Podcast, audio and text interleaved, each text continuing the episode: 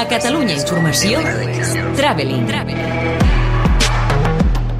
Estrenes de cinema i sèries a Catalunya Informació. Traveling. Amb Marc Garriga.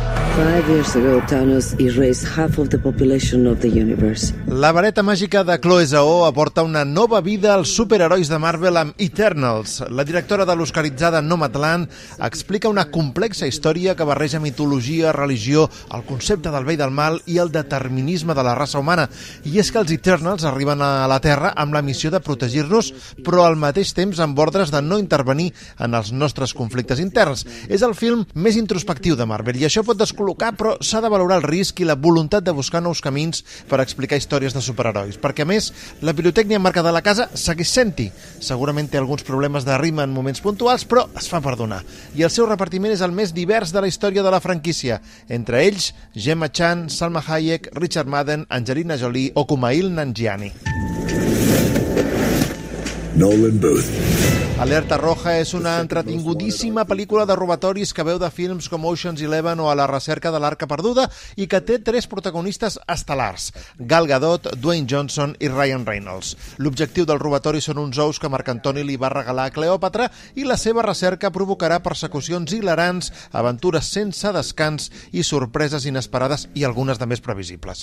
S'estrena en sales aquesta setmana i el dia 12 de novembre ja estarà disponible a Netflix. ¿Por qué habéis reabierto esta sesión? Estaba fuera de sincro. Juanjo Jiménez és l'únic director català que ha guanyat la Palma d'Or a Canes i ha estat nominat a l'Oscar en la categoria de millor curtmetratge amb Time Code, un currículum que li ha permès rodar ara el film català més original de la temporada, 3, la història d'una dona, una magnífica Marta Nieto, que treballa com a muntadora de so i que comença a desincronitzar-se amb el món, és a dir, que sent les coses amb un cert temps de delay.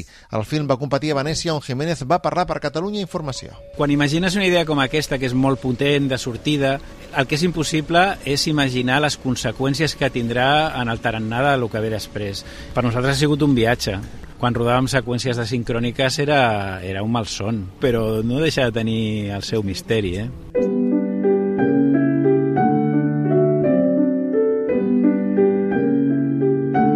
També arriba als cinemes la petita joia japonesa La rueda de la fortuna i la fantasia, un tríptic d'un dels directors més en forma del panorama mundial, Ryusuke Hamaguchi, que va guanyar amb aquesta cinta l'Os de Plata, Premi Especial del Jurat, a l'últim festival de Berlín. Són tres històries amb personatges femenins que parlen amb delicadesa de l'amor, de la família, de l'atzar i de la imaginació.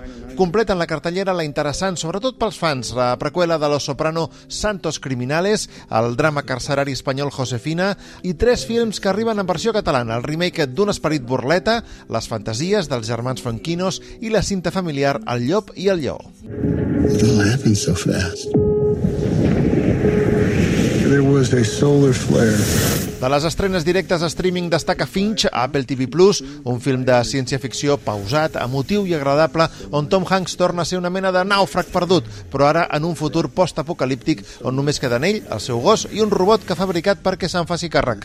A més, arriba també un documental imprescindible dirigit per Alba Sotorra, que torna al Kurdistan perquè les dones captades per l'ISIS expliquin en primera persona com van arribar allà. El retorno, la vida després de l'ISIS, es podrà veure a Movistar Plus a partir del dia 7. I altres novetats interessants en plataforma són dos documentals més.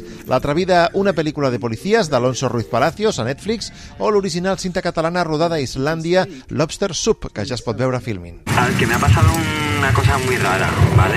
Llámame si puedes, ¿vale?